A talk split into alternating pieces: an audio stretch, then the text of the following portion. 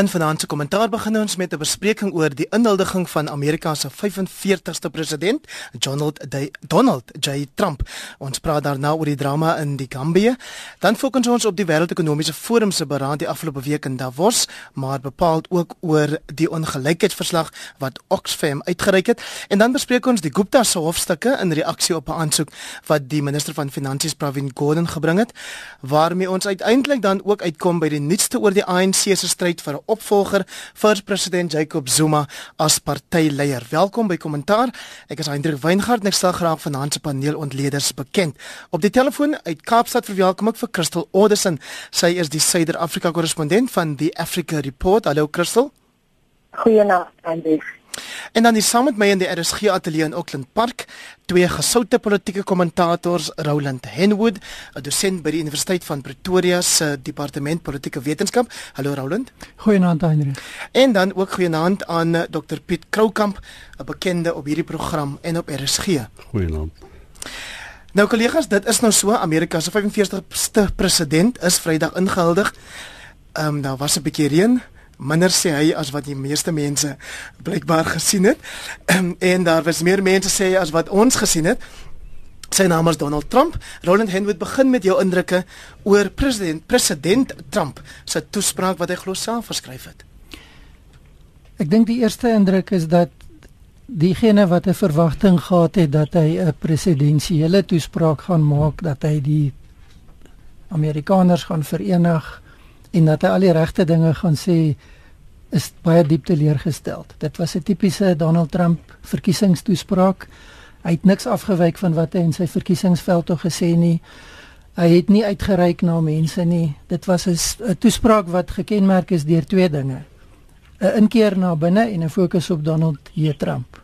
En ek dink dit is die kenmerke vir my van daai toespraak. Piet Krokamp. Ja, eh, wat my interessant is as jy op uh, in die sosiale media die woord Donald Trump noem. Dis die eerste keer in ek volg vir baie jare verkiesings. Dit die bloedige bekgeveg wat daar ontstaan is absoluut verbuisterend. Suid-Afrikaners voel so erg oor die Amerikaanse verkiesing en oor Donald Trump soos wat hulle voel oor 'n plaaslike verkiesing waarin Jacob Zuma staan. Dit is my 'n uh, absolute verbuisterende verskynsel. Maar om terug te kom by Trump, dit is inderdaad so ek uh, uh, uh hy het nie alleen sy uh, toespraak geskryf jy sal sien daar's ook redelik aangehaal uit Avatar hy het 'n uh, hy het uh, letterlik woord vir woord omtrent is daar soms aangehaal uit Avatar uit. So dis eh, ek ek was verstom geweest sy vrou het aangehaal uit uh, Michelle Obama en hy al aan uit Avatar. Maar om terug te kom tot by sy toespraak, uh, dit is so dat dit was 'n mees die mees onpresidensiële toespraak wat ek dink wat ooit in die geskiedenis was en dit is asof Donald Trump nie 'n uh, 'n tipe van 'n aanvoeling het vir uh, die werklike komplekse fragmente wat bestaan in die Amerikaanse samelewing. Die Amerikaanse samelewing is geweldig verdeeld. Daar is geweldige teespraak, daar is 'n uh, geweldige onbestendigheid. Daar's 'n tipe van 'n 'n uh, uh, neidigheid teens die Washington establishment soos hulle dit noem. Daar's 'n neidigheid teens politici. Daar is ook 'n neidigheid teens uh, mekaar wit en swart, ryk en arm in Amerika. En op 'n of ander manier as jy wil 'n vorm van konsensus smee, soos wat mense vermoed 'n president moet doen. Dis 'n baie belangrike funksie van 'n president om op 'n of ander manier 'n konsensus te smee. Dan moet jy uh die indruk skep dat jy alle Amerikaners op 'n manier bymekaar wil bring. Jy moet onthou oor 2 jaar van minder as 2 jaar van nou of is daar verkiesings waar 'n derde van die senaat, 'n derde van die uh, goewerneurs en die hele huis van verteenwoordigers word herverkies. As ek 'n uh, Republikeinse lid van die Republikeinse party is en ek het daar gesit en ek gedink dis die slegste moontlike aanloop na daai verkiesing wat oor 2 jaar moet plaasvind wat ons moontlik kan hê. Dit is inderdaad die funksie van die president om die terrein voor te berei vir senemar die Republikeine om goed te doen in daardie verkiesing. As jy kan maar kyk wanneer die president onpopulêr is, dan doen die party van waarvandaan die president kom doen sleg in daai verkiesing. Die Republikeine kan nie bekostig dat Donald Trump die omstredenheid wat rondom hom is uh vir die volgende jaar of die volgende 2 jaar rond af nie. Dit sal hulle geweldig benadeel. Christel Anderson, jou indrukke oor president Trump se toespraak? Um, Heinrich, ik heb eerst gedink dat president Trump zal nou op begin tweet, want hij is nog nou die nieuwe president, maar men zien dat hij nog steeds um, sociale media gebruikt om zijn boodschap uit te krijgen. Um, Natuurlijk, zoals um, mijn collega's daarvan gepraat hebben, Amerika is 'n komplekse land um, en as 'n mens sien die protesaksies buitekant um, in Washington het dit vir my gesê dit gaan 'n moeilike paar jaar vir Trump wees en natuurlik het sy toespraak het, het geen daarvan gepraat van die kwessies um, wat Amerika um vir die volgende paar jaar sal samekom met 'n Trump um presidentsie nie. En natuurlik mis mense natuurlik vir Barack Obama want ons almal het 'n paar jaar gelede um voor die televisie um gesit om die toetspak te sien en nou jy weet dit mense radio geluister en so aan. Um maar ek dink vir my wat baie interessant was, was natuurlik die verskillende optogte deur vrouens in Amerika en ook in die res van die wêreld. Um vir my beteken vir my wat dit gesê het is dat um Trump is nou daar. Hy natuurlik moet hy um nou um jy weet vandag um vir eerste volle dag by die Withuis het hy met die CIA gaan praat. Um maar nog steeds jy weet die vroue um is jy weet een van die grootste bevolkingsgroepe in die land en ek dink ons gaan sien nou dat Amerikaners wit, swart, ryk, arm, ons gaan nou sien verskillende aksies van gemeenskappe as ons dit nou van Kalifornië sien, New York of um jy weet van die middelstate um, in Amerika. Mens gaan nou die verskillende aksies sien en ek is geïnteresseerd om te sien wat gewone Amerikaners nou gaan doen nou dat president Trump die 45ste president van Amerika is. Piet Kroukamp, ek wil net vir jou sê Elsie Cowley skryf hier op Facebook as dokter Kroukamp op die paneel is, mis ek die program vir geen geld ter wêreld nie. En dan sê en dan sê 'n ander luisteraar Hester Esther Loots verlede week se kommentaar was goed ingebalanseerd. So dit beteken julle drie vanaand het 'n groot taak op julle skouers. Roland Henwood terug na Trump se toespraak. Hy het daarom gesê en dis seker dan die naaste wat hy gekom het aan presidensieel klink dat hy wil die mag terugplaas in die hande van gewone burgers. Ja, maar ek dink 'n mens moet versigtig wees, want dit is dan wat die verkiesing doen. So so ja, op een vlak daar is die argument dat die politieke elite in Washington maak en breek soos hulle wil en dit was sy betoog. Hy het vir die mense wat daar gesit en luister het, want dit is die mense wat daar is, nê, gesê julle is 'n klomp uitvaagsels. Julle het alles afgebreek. Julle hou partytjie terwyl die res van die mense ondergaan. So dis die mense met wie hy nou moet saamwerk en dis die belangrike punt wat Piet gemaak het. Hierdie kongres is die mense wat sy besluite moet goedkeur en ondersteun. So aan die een kant het hy gesê hy sit die mag terug in die hande. Wat hy eintlik sê is julle is verneek tot nou, ek gaan nou 'n einde daaraan bring. Maar hy is die een wat die verkiesingsproses bevraagteken het tot op die einde van die verkiesingsaankondiging. En dis die wese van demokrasie. Hoekom ek dit noem is dis deel van die probleem om Donald Trump as president te gaan ontleed. Jy weet nie eintlik wat hy sê nie. Want wat hy sê kan so verskillend interpreteer word. En wat hy sê is so anti alles wat gevestig is. Selfs anti in 'n sin die bestaande demokratiese en konstitusionele orde. Vir my baie interessant soos wat hy sy toespraak uitgepak het en almal om hom regtig sleg gesê het. Die enigste groep mense wat hy nie bygekom het nie is die sakelei. En ek wil hierdie vraag vra in die lig ook van 'n verder, verdere bespreking vanaand. Wat het die sakelei gedoen wat so ryk geword het uit hierdie swak politieke bedeling om 'n einde aan hierdie proses te bring? En ek dink dis 'n belangrike punt wat wat hom waarskynlik voor moeilike keuses gaan bring in die kort termyn reeds. Absoluut, dit is 100% die punt.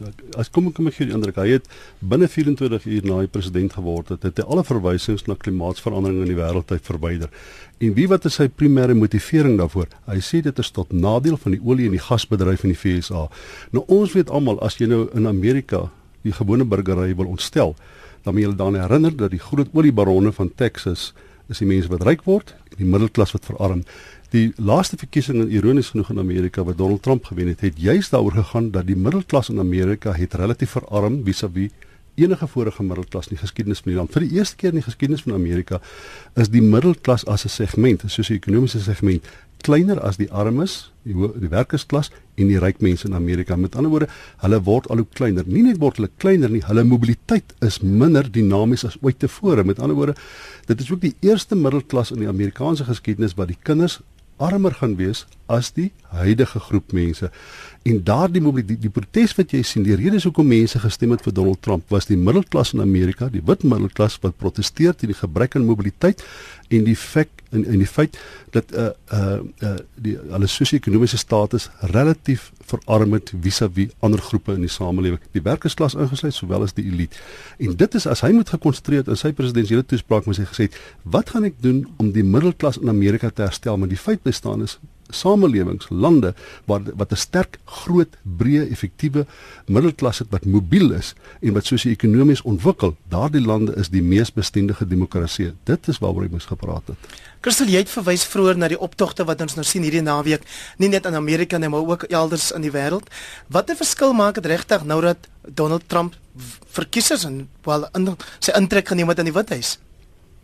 Ek dink aan die feit dat van New York tot Washington tot San Francisco het duisende der duisende mense uitgekom om hulle boodskap um teen Trump te sê. Ek dink dit dit is belangrik en dit is interessant want dit verskeie verskillende mense, ryk, arm, werkersklas, um jou um um New York Stock Exchange mense almal was daar. So en ek dink dit vir my um is nie gaan meer die stem van gewone Amerikaners hoor.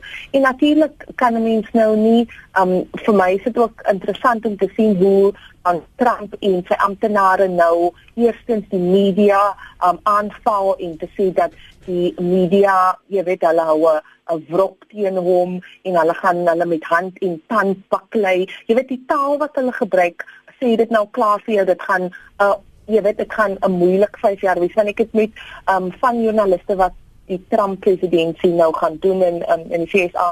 Ek gesê jy weet die afgelope paar weke was dit verskriklik moeilik want jou enigste nuusbron wat jy het is 'n tweet en um ons ons werk moet nou nie so nie maar dit beteken ook dat joernaliste nou sal moet uit kan dink hoe hulle um die Trump presidentsie gaan um die verslag neem en verslag doen vir hulle verskillende media um organisasies maar ek dink die feit dat jy weet die media is nou die eerste vyand wat hy nou mee gaan baklei is. Jy weet is so te sê 'n maklike vyand. Ons weet hier in Suid-Afrika as Zuma um kwaad is dan sê dis die media se skuld. En ek het nogal eintlik meer iets meer verwag van Trump. So um ek dink vir my nou, ek wil nou sien natuurlik mense is geïnteresseerd in die plaaslike politiek, maar ek wil sien wat um Trump se Afrika beleid gaan wees want ons het tog niks gehoor wat dit gaan beteken nie. En natuurlik is baie um Afrika leiers bekommerd oor um die AGOA wat natuurlik die handelsooreenkoms is. En ek dink dis 'n groot kwessie wat um vir my nou in die volgende paar dae wat mense nou gaan hoop jy gaan iets kry oor wat is die beleid nie net Afrika nie maar ook China um en so voort, Brexit en so voort. Toby Jansen sê op Facebook Donald Trump is die nuwe Amerikaanse president. Dis 'n uitgemaakte saak. Kan hy ons uitsonderlik meer verbaas as wat hy sal teleurstel? En ons almal weer vinger op die lip plaas. Piet Kroukamp, toe die president gepraat het by die intelligensieagentskap gister, het hy gesê en ek dink hy het almal daarmee verbaas. Niemand gee meer om vir intelligente agentskap, intelligensie agentskappe as ek Donald Trump nie. Wel hy was hy was 'n voltydse verbale stryd met hulle gewees in die aanloop na die verkiesing toe, maar ek ek ek as ek ek, wens ek het die voorreg gehad of die twyfelagtige voorreg gehad vir Donald Trump teen een ding te waarskyn. Dit is onthou net die Republikeine moet herverkies word. As jy 'n fight pick, as jy 'n geveg soek met die media, is dit tot almal se nadeel. Elke politikus se nadeel. So Hulle daar's so 'n uitdrukking is 'n stupid een, maar dit hulle sê altyd don't uh, pick a fight with people that buy ink by the barrel. Nou ek kan net vir jou sê Donald Trump sal binnekort die raadgewers aangeraai moet word om sy geveg met die met die media te stop en dit gaan op 'n groot mate tot sy nadeel wees. Ek wil net sê ek dink gestel het 'n wonderlike analoog getref die ek die twee wêreldleiers of politieke leiers wat ek ken wat by Davos sou opgedaag het, een het nie opgedaag nie. Wat die mees dikwels sê en Trump was nie daar nie omdat hy nog nie verkies of het hy op daai stadium nog nie uh, verkies was nie. Ja. Die twee mense wat die meeste protesteer teen die media is Donald Trump en, en Jacob Zuma. Nou as jy sê klop Suid-Afrikaans jy wil woedend maak, maar jy sê daar's 'n analoog tussen hierdie twee verskynsels. Daar is 'n duidelike analoog tussen hierdie twee verskynsels uh hulle verhouding met die sekurokraat, hulle verhouding met die media, die uh wanneer hulle gesprek voer, wanneer hulle toespraak maak, wanneer jy die indruk kry hulle het nie werklik 'n komplekse begrip, 'n genuanceerde begrip van wêreldpolitiek nie. Daar's daar is op geen manier Jy moet onthou Donald Trump is nie 'n politikus nie. Dis die eerste keer hy het nog nooit in sy lewe vir eh, weet vir een of ander belangrike uh, politieke pos meegeding nie. Dit is die eerste keer in sy lewe om te word 'n president. Hy het nie die aanvoeling vir die komplekse situasies wat gaan ontstaan wanneer mededingende politiek in die wêreldekonomie uh gepraat gaan word nie en die Amerikaners gaan dit voel. Sy eerste 100 dae In Amerika praat altyd van die first 100 days. Sy eerste 100 dae, ek kan nou vir jou sê sy sy sy populariteitssyfers gaan hier rondom 37, beteken tot 40 42%. Dit is onthou uh, uh, uh, Obama was by 70 60 70% gewees op dieselfde tyd toe hy verkies is. De, oor 100 dae gaan dit nog laer as dit wees. En dit sal ek gaan sê ek gaan die Amerikaanse Kongres geweldig senuweeagtig maak. Ron Henwood, kan ek vir jou vra oor die kwessie van die media? Die president het ook gister gesê dat hy 'n running war with the media het. Ehm um, die natuurlik na aanleiding van die wyse waarop oor daaroor om verslag gedoen word wat hom natuurlik baie ongelukkig maak, maar is ook baie duidelik dat die media sukkel om met hierdie komplekse teenwoordigheid van 'n president soos Donald Trump um, om dit te hanteer in hulle beriggewing. Wel die die basiese beginsel is dat hy tree absoluut op soos niemand nog ooit voorheen nie. Tweedens tree hy op in 'n moderne media konteks. Baie mooi op mooi gestel nou. Ja, hy, hy tree op in 'n in 'n moderne media konteks waar hy toegang en en beheer oor sekere fasette neem en dit gebruik, maar optree asof hy glad nie bewus is van die res nie. En en dit is die teenstrydighede waarmee mense sit met Donald Trump. En dit maak dit moeilik om hom te interpreteer. Hy kry nie goeie publisiteit nie. Want Hy is heeltyd besig om 'n geveg te soek. Hy is heeltyd besig om ander mense as hulle iets sê wat hy nie van hou wat nie inpas by sy en dis belangrik. Hoe meer ek na hom kyk, sy beeld van homself. Wat hy van homself dink bepaal hoe hy gaan reageer. Nie of die feite reg is of dit feitelik aanvaarbaar is nie, sy persepsie van homself. En dit beteken jy kan glad nie van letterlik minuut tot minuut weet hoe hy gaan reageer en en wat jy kan of nie kan doen nie. En dan moet 'n mens terugkyk, jy kan die persverwydinge kritiseer, maar die presidensiële pers in die FSA, die mense wat die president volg en berig, is ongelooflik professioneel en ervare. Alhou mense nie altyd van wat hulle sê nie.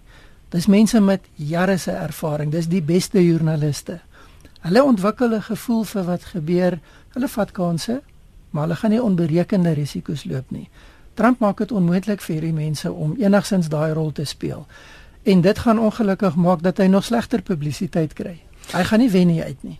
Christel, wat is 'n baie kortliks asseblief en al wat hierdie mense oor wie Roland Henwood nou gepraat het gister gekry het, was 'n woordvoerder van die Withuis of van die president wat hulle kom sleg sê het en wat veronderstel was om 'n eerste perskonferensie te wees.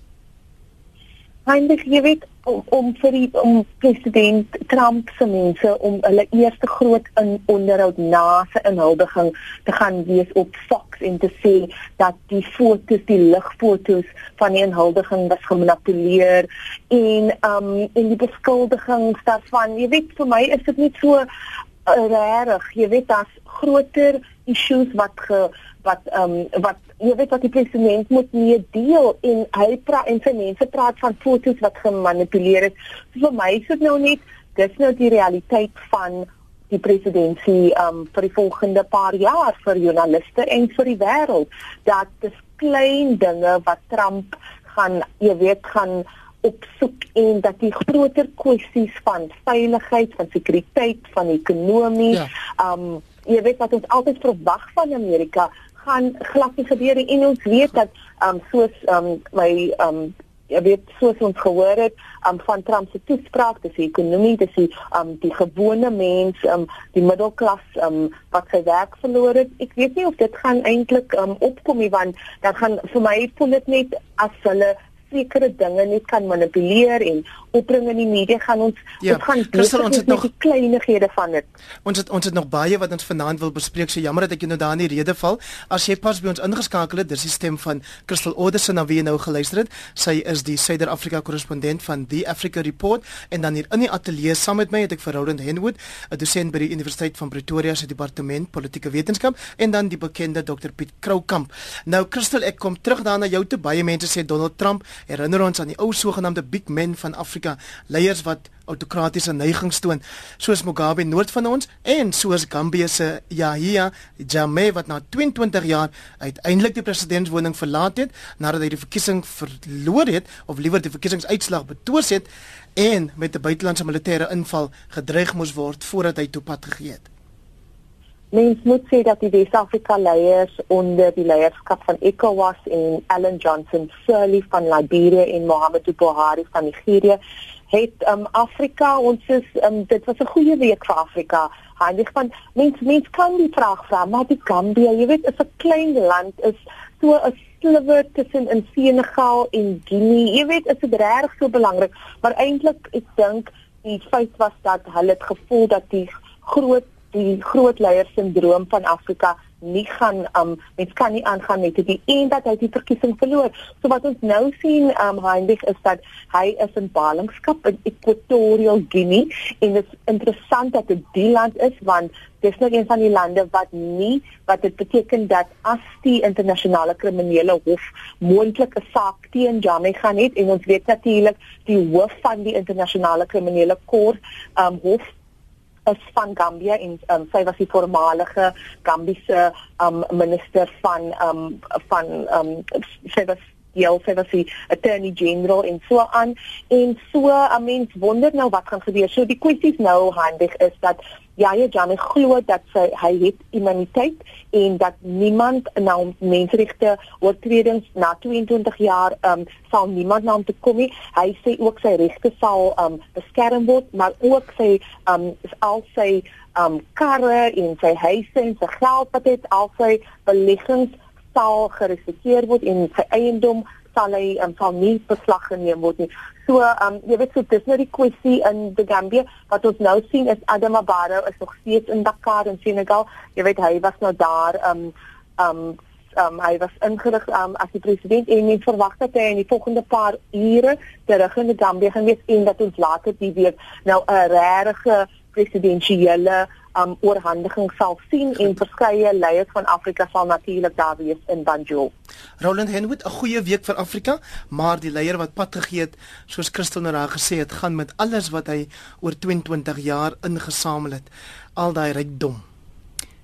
Ek dink 'n mens kan op twee maniere daarna kyk.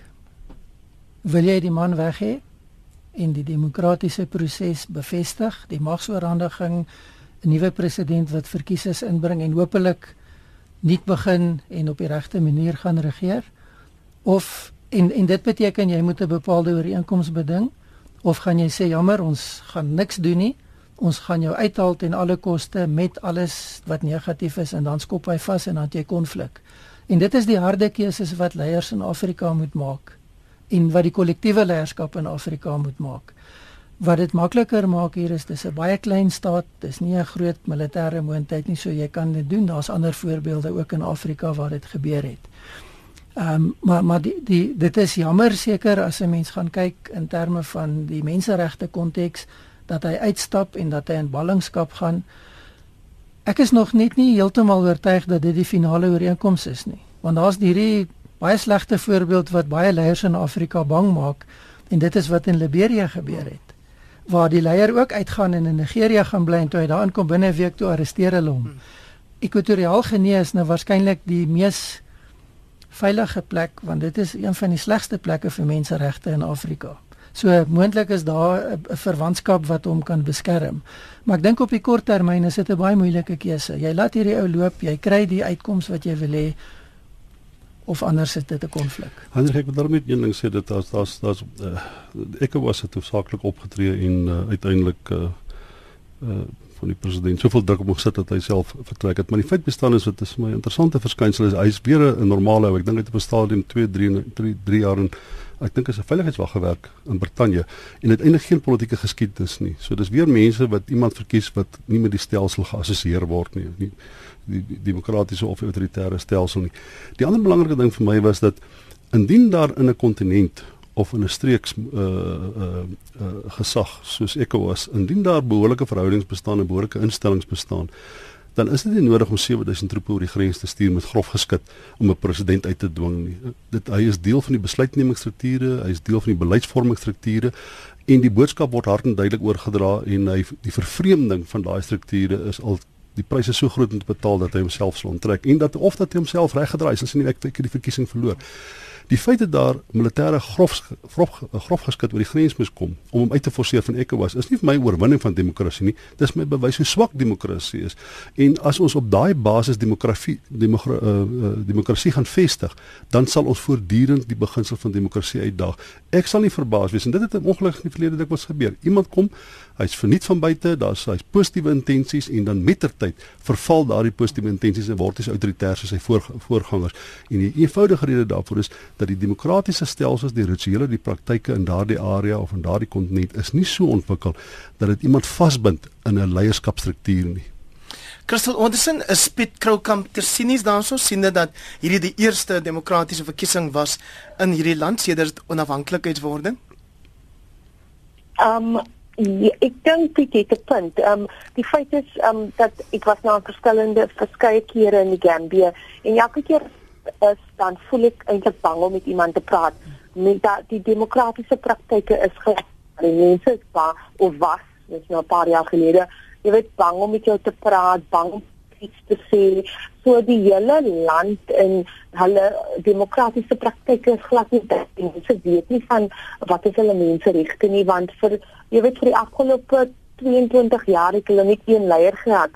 Um so daar's baie verwagtinge nou van Adam Barrow en ek dink dis miskien een van die eerste dinge wat moet gebeur is mhm. dat gewone burgers nou kan self voel dat dit is hulle land en dat daar is 'n demokratiese land en ook dat menseregte gaan gerespekteer word. So dis nou een van die eerste dinge. Is 'n klein land is uh, uh, jy weet dit is 'n groot bevolking nie. So miskien is dit makliker om te doen, maar ons weet ook dat 'n groot landelike um en um 'n rural um tot um, die urban rural is verskriklik groot en mense verwag nou dat eerstens duisende mense gaan terugkom van Senegal en um Guinea van Beerslande terug huis toe en dan en ek sien ook baie exiles kom nou terug. Ek ken baie van daai exiles wat terug nou gaan. Kan dit is so mense hoop nou dat die media eerstens oop gaan wees en dat Adam Barrow nou die praktyke sal inbring en dat mense en dan verder foto van die internasionale kriminele hof ook terug gaan kom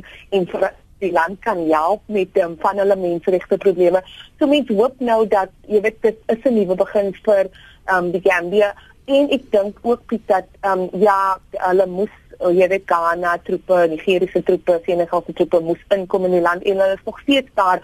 Maar ek dink steeds as jy mens kyk na Oos-Afrika, as jy mens dink aan Burundi, as jy ook nou dink aan die Demokratiese Republiek van Kongo, jy weet um en as jy dink aan verskeie verkiesings verlede jaar in Afrika, Zambia, Gabon en baie van die leiers, daar's nog steeds kwessies oor hulle verkiesing en of hulle wel gewen het. Mm. En ek dink in hierdie sak het ons gesien dat um Wes-Afrika leiers het nie ge, hulle nie gevra sou hulle natuurlik wou die uh, was deel van die proses die Afrika Unie was deel van die proses maar mense het gesien dat slegs Afrika leiers wat um jy weet wat verantwoordelik was om te verseker dat ja. Gambia en Yaya Jammeh nou uit die land uit is Goed, uh Roland Henwood 'n laaste vraag oor hierdie kwessie. Die nuwe president, Pieter nou nou verwys na dat hy 'n uh, veiligheidswag in Brittanje was, maar hy het ook nou in 'n onderhoud gesê siende dat ehm um, hierdie Gambia 'n voormalige Britse kolonie is, voorsien hy of verwag hy van Brittanje om 'n groter rol te kom speel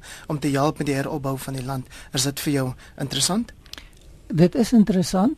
Ehm um, maar ek dink dis ook 'n reaksie van die uitgaande president het sy laaste paar jaar gebou op 'n anti-kolonialistiese anti-Britse platform en hy het byvoorbeeld amptelike godsdiens ingebring en hy het allerlei uit uit um, Islam ingebring. En die rede was dat hy gesê het wat daar was is 'n kolonialistiese nalatenskap en hy wil dit vernietig. So ek dink wat die mense hier sien is 'n bietjie 'n reaksie op wat gebeur het, maar ook dan mense se lewenswêreld en en die nuwe president inderdaad het in in um, exile in ballingskap onder andere in in Brittanje gewees. Ehm um, natuurlik 'n selfgemaakte sakeman wat nou in die politiek ingekom het. Hy is nie 'n arme man wat die staat se geld hoef te steel om te oorleef nie. So hopelik is dit die tipe positiewe elemente. En dan baie belangrik, hy het nie die autonomie wat 'n president in 'n sterk gevestigde demokrasie het nie. Hy is al klaar afhanklik van Wes-Afrika om hom in die stoel te gebring het uh mhm. -huh. en hy gaan afhanklik wees van eksterne moonthede soos Brittanje as hy enigstens wil bereik wat hy in die vooruitsig stel. Sy autonomie is baie beperk. Dit verswak hom natuurlik. En ek dink hy is bewus daarvan. So sê Roland Henwood wat vanaand deel uitmaak van ons paneel ontleeders hier op kommentaar saam met Piet Kroukamp en Crystal Oderson. Nou Piet Kroukamp, die wêreld se voorste sakeleiers en toppolitici het soos gebruiklik die week in die Switserse ski dorp Davos byeengekom vir die wêreldekonomiese forum beraad. Die tema van van jaar se beraad in Engels, responsive of of responsible and responsive leadership. Ja, ek uh, daar's 'n bietjie van 'n stereotipe aan aan aan hierdie vergadering en dit is dat dit 'n uh, klomp ryk sakemanne en politici is wat bymekaar kom wat in 'n groot mate ver verwyder is van die werklikhede waarmee middelklas en laer middelklas en werkklas samelewing sukkel. Ehm um, maar die feit bestaan is ek dink tog dis dis dis 'n baie belangrike uh, byeenkoms as jy kyk Suid-Afrika ons het vir Ramaphosa daar gehad en ons het 'n redelike sterk delegasie van sakemanne sien toe gehad. En in 'n sekere mate bevestig dit en dit is iets wat Donald Trump nie sal aanstaan nie. Bevestig dit die geïntegreerde natuur van die wêreldekonomie. En in 'n sekere sin herinner dit politici en besigheidsmense wanneer hulle sien toe gaan aan wat nodig is om mededingend te wees of om 'n bepaalde plek te hê in die wêreldekonomie wat op 'n of ander manier van Suid-Afrika uh in in in daai konteks uh, wat wat ons die vermoë gaan gee om na die volgende fase van ontwikkeling te gaan. Die feit bestaan is en dis waarmee Donald Trump ook sukkel en dis waarmee Amerika sukkel. Die wêreld sukkel om oor te gaan na wat ons noem die vierde nywerheidsrevolusie revolusie. Met ander woorde die hele wêreldekonomie word hergestruktureer, dan moet anders gedink word daaroor. En ek dink hierdie gesprekke in 'n sekere sin wat daar plaasvind herinner politici en belangrike sakemanne dat die hele daar's daar's 'n regime verandering wêreldwyd. Politici en besluitnemers sal moet anders ter dink oor die toekoms en ons sukkel daarmee. Ons is nie heeltemal seker waantoe ons op pad is nie. Ons weet dis 'n geweldige onsekerte tipe van uh, politieke ekonomie, maar op 'n of ander manier moet ons die vermoë ontwikkel om daarmee om te gaan. En wanneer leierskap na vore kom, dan beskef jy met jy met jou mense die nodige opleiding gee, die vaardighede gee om meer dinge te wees en in daardie nywerheidsrevolusie te kan deelneem. Dis 'n interessante verskynsel vanmôre te praat ek met 'n naam van Evert de Ruyter te sê, het my net 20% van Amerikaners is gegradueer. In Suid-Afrika is dit rondom 4-5% dink ek. Geen land wat op daardie lae vlak van uh onderwys en opleiding is kan werklik mededingend wees in die in in in 'n vierde nywerheidsrevolusie nie. As jy kyk wat gebeur in Asië, wat gebeur in Indië, wat gebeur in China, dan sien jy dat daardie vlakke van onderwys en opleiding is geweldig hoog, is al hoër. Ek dink China het per 100 000 mense die grootste hoeveelheid PhD's in die wêreld. Die feit bestaan is Dit is interessant as jy kyk na waar die ekonomiese groei in die wêreld is, is dit van hierdie lande, dit kom van India, dit kom van China af.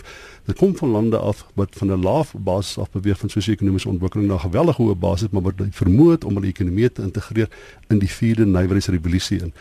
So ek dink dis 'n belangrike gesprek wat by Davos plaasvind. Dit is baie belangrik wat natuurlik op die op die op die kantlyn gebeur, die kleiner gesprekke, die navorsing uh, navorsing wat bekend gestel word, die ekstrapolasies gemaak word, die data wat beskikbaar gemaak word. Ek dink daaroor gebeur belangrike gesprekke om politieke leiers en sakemense se koppe op 'n of ander manier te kalibreer met dit wat in die toekoms gaan gebeur. Roland Henwood en as jy luister na Anglo Gold Ashanti se voorsitter Sipho Pichana wat ook 'n ANC veteran is, hy sê bevry van die las om die besluite wat gelei het tot Suid-Afrika se misstappe van die afgelope jare te rasionaliseer kon die regeringsafvaardiging gelei deur dat jong president Cyril Ramaphosa met 'n lelike Suid-Afrikaanse serp om die nek fokus op die verkoop van 'n geloofwaardige storie aan potensiële beleggers en ander regerings en dit moet gesê word hulle het 'n uitstekende taak verrig. Ja, die die die terugvoering wat 'n mens kry is positief. Ehm um, dit is baie duidelik dat dat jong president Ramaphosa het 'n uh, presidensiële rol gespeel. Hy het homself in 'n ander op 'n ander manier gedra en gekommunikeer as wat hy tot dusver in Suid-Afrika grootliks gedoen het. En dit lyk asof die ehm um, afvaardiging Suid-Afrikaners goed saamgewerk het, goeie ontvangs gehad het, 'n goeie boodskap oorgedra het. So ek dink mense kan daarmee saamstem. Wat ek dink 'n mens moet nie ignoreer nie, is die feit dat hierdie afvaardiging 'n bepaalde groep mense ingesluit het wat daar was en 'n goeie boodskap oorgedra het vat nie weg aan wat by die huis gebeur nie. Ons sit nog maar met dieselfde leierskapprobleme, ideologiese konflikte, verdeeldheid en dit het nie verdwyn nie en ek dink dit is vir my die een risiko is om 'n baie positiewe boodskap oor te dra en dan kom jy terug hiernatoe en dan is die realiteit op die grond nog dieselfde. En deel van die realiteit hier op die grond uh Crystal Oderson is die ongelykheid waaroor Oxfam in hulle verslag hierdie week ook gepraat het dat daar iets so 6 miljard biljoenêrs is wat Eh, die rykdom besit wat gelykstaande is aan die res van ons en in Suid-Afrika iets soos 3 biljoenêers wat ook so ryk is soos die res van die bevolking. Dalk het ek nou nie my syfers heeltemal reg nie, maar dit is so skrikwekkend soos wat dit daar geklink het. Jou kommentaar daarop kortliks asseblief. Um hy het eers ek dink net met die teruggaan na Cyril Ramaphosa. Natuurlik was daar 'n 60 sterk um afvaardiging na die uh, wel ekonomiese forum. Maar ek voel altyd jy weet dit is amper dit is so 'n kontradiksie want jy weet hier sien ons nou vir Ramaphosa praat met almal en jy weet hy's daar met wêreldleiers en so voort en dan sien ons president Zuma hier en hy praat van um swart bemagtiging radikale ekonomiese um, um bemagtiging en dan vir my is dit net twee verskillende stories. En jy weet as ek nou sit en ek ek het miljarde en ek wil vir Afrika te kom dan beteken dit vir my jy weet jy moet kry twee verskillende boodskappe en jy weet iets moet gedoen word. Jy weet is dit dis net um, jy weet dit maak dit is confusing. Mens weet nie watter boodskap um, moet mense na luister nie en um, jy weet net voel net 60 mense en dan kom jy terug en jy hoor iets anders. Jy weet ek dink net dis um, jy weet dis nou een van die groot kontradiksies van Suid-Afrika en sy ekonomiese beleid maar ook vir die volgende jaar jy weet 2017 gaan ons moet jy weet ons gaan tussen die lyne moet lees wat is die regte boodskap van um, Suid-Afrika. Maar ja ons praat net van Oxfam se vrystelling van sy ongelykheidsverslag getiteld um, dit was nou nie um, uh, ekonomie vir die 99%. Ons weet Oxfam is deel van 'n globale projek wat hulle ook in India en China gedoen het en natuurlik hier in Suid-Afrika uh, hoor ons nou dat um, en dis nie gee vir jou kommentaar gee vir jou kommentaar op die bevinding. Um dis die eerste keer wat ons so 'n verslag um gehoor het. Die, die afgelope paar jare het verskillende nie-regeringsorganisasies vir ons gesê dat van die rykste 1% besit um 42% van die totale rykdom. Ons is nie geskok daaroor nie, maar die die mense word geremind dat hoe hoe skokkend dit is dat daar 'n verskriklike ryk mense in die land en verskriklike arme mense in die land. Goed. En vir my wat dit dan meer erger maak is dat ons sien dat die ANC en ekonomiese beleid is so 'n kontradiksie en dat niemand eintlik ons sien die verslae van wat wat beteken dit eintlik? Jy weet ons is geskok vir eendag, maar dan is môre se um, business as usual. Daar is mense Piet Kroukamp wat daarom die land kon inkom um, met nie te veel geld nie en vir hulle rykdom kom opbou. Hulle namens die Gupta familie. Um, ons het nou ongelukkig nie meer baie tyd oor nie, maar dalk wil jy iets sê oor die feit dat hulle nou wel hofstukke ingedien het in reaksie op adje op minister Pravin Gordhan se aansoek dat die Hooggeregshof op bevel moet uitreik dat nie hy of enigiemand anders kan inmeng in die Guptas of enigiemand anders se verhouding met banke nie. Ja, ek, uh, die, die die goed pas eintlik baie mooi by mekaar. Daar was uh, die uh, Oxfam verslag in, in die Guptas. Uh, so ek ek, ek dink dit baie goed gekies daar toe jy die die topics gekies het. Ek ek dink dit dit is 'n voortsetting van die stryd tussen tussen Pravin Gordhan en wat mense sê maar die patronaatskapsgroep onder onder leiding van van president Zuma. En die die, die tegniese aspekte daarvan is eintlik totaal onbelangrik. Die feit bestaan is dat daar toenemende verskynsels is wat besighede wat histories besig sake gedoen het met die Guptas, dat hulle hulle self vervreem van die Guptas dat die banke hulle self vervreem. Daar in Suid-Afrika in die stelsel is daar 'n tipe van vervreemding en 'n weerstandigheid wat opbou weens die Gupta verskynsel in die ekonomie soos wat daar eens die Jacob Zuma verskynsel 'n tipe van 'n weerstandigheid opbou. Ek wil daarom net as ek terwyl ons nou praat van al hierdie goed so half saam. Ek wil net een ding sê dat eh, wat wat die Oxfam verslag natuurlik totaal ignoreer is dat 10 jaar gelede in Suid-Afrika was net 1 miljoen swart mense was middelklas wees. Vandag is daar 6 miljoen swart middelklas mense in Suid-Afrika. 10 jaar gelede net omtrent net 5% van alle totale uh, eh, uh, eh, eh, residensiële eiendomme het en swart mense behoort. Nou 50% van al residensiële uh, eiendomme wat jaarliks verhandel word, uh, word deur swart Suid-Afrikaners opgekoop. Ons sit en dit met die ANC regering met geweldig baie krediet vir dit kry. Uh, die die die die die die die, die toelaas wat ons betaal. Dis dis ongekend in die wêreld. Die hoeveelheid toelaat as as deel van ons GDP wat ons betaal aan aan aan aan Suid-Afrikaners. En die feit bestaan is as jy kyk na Indië, uh Mexiko uh en China, dit is die ontwikkelende ekonomieë. Hulle het daar's letterlik meer as 'n biljoen mense wat sosio-ekonomies van een vlak na die volgende vlak beweeg het wat geweldige sosio-ekonomiese mobiliteit gehad het danksy ek dink die toenemende uh, vrye mark beleid wat gevolg is in al die lande want dit is die kenmerk van al die lande dat toenemende vrye markontwikkeling Daar's 1 minuut oor Roland Henwood. Die Gupta's beplan ook nou om die minister van finansies hof toe te sleep of om 'n siviele eis teen hom in te stel. Hulle sê dis deur die feit dat hy vir 70 of ja, 60 sakeleiers gesê het die Gupta se vlerke moet geknip word. Dis waarom hulle nou in hierdie moeilikheid is met met diensverskaffers en en en. Ek gaan my nie die regsproses uitlaat nie, maar ek dink polities herinner dit my aan 'n reaksie van jy's onder groot druk, jy's in die moeilikheid, nou begin jy dreig en jy begin mense intimideer op 'n manier om seker te maak hulle hou op, hulle word bang en die ander wat na na kyk moet bang word. Dit is maar baie soos wat Trump sy politiek bedryf. Ehm um, en ek dink mense moet maar kyk hoe dit dan uitspeel. Nou maar baie dankie. Dit was Roland Henwood van die Universiteit van Pretoria, ook saam met my vanaand eh, Dr Piet Kroukamp en Crystal Oderson op die telefoon. Ons sou nog kon gepraat het oor Eskom en die munisipaliteite, ons sou oor Fort en Kuga kon gepraat het, ons sou oor die, die SAIK komitee kon gepraat het.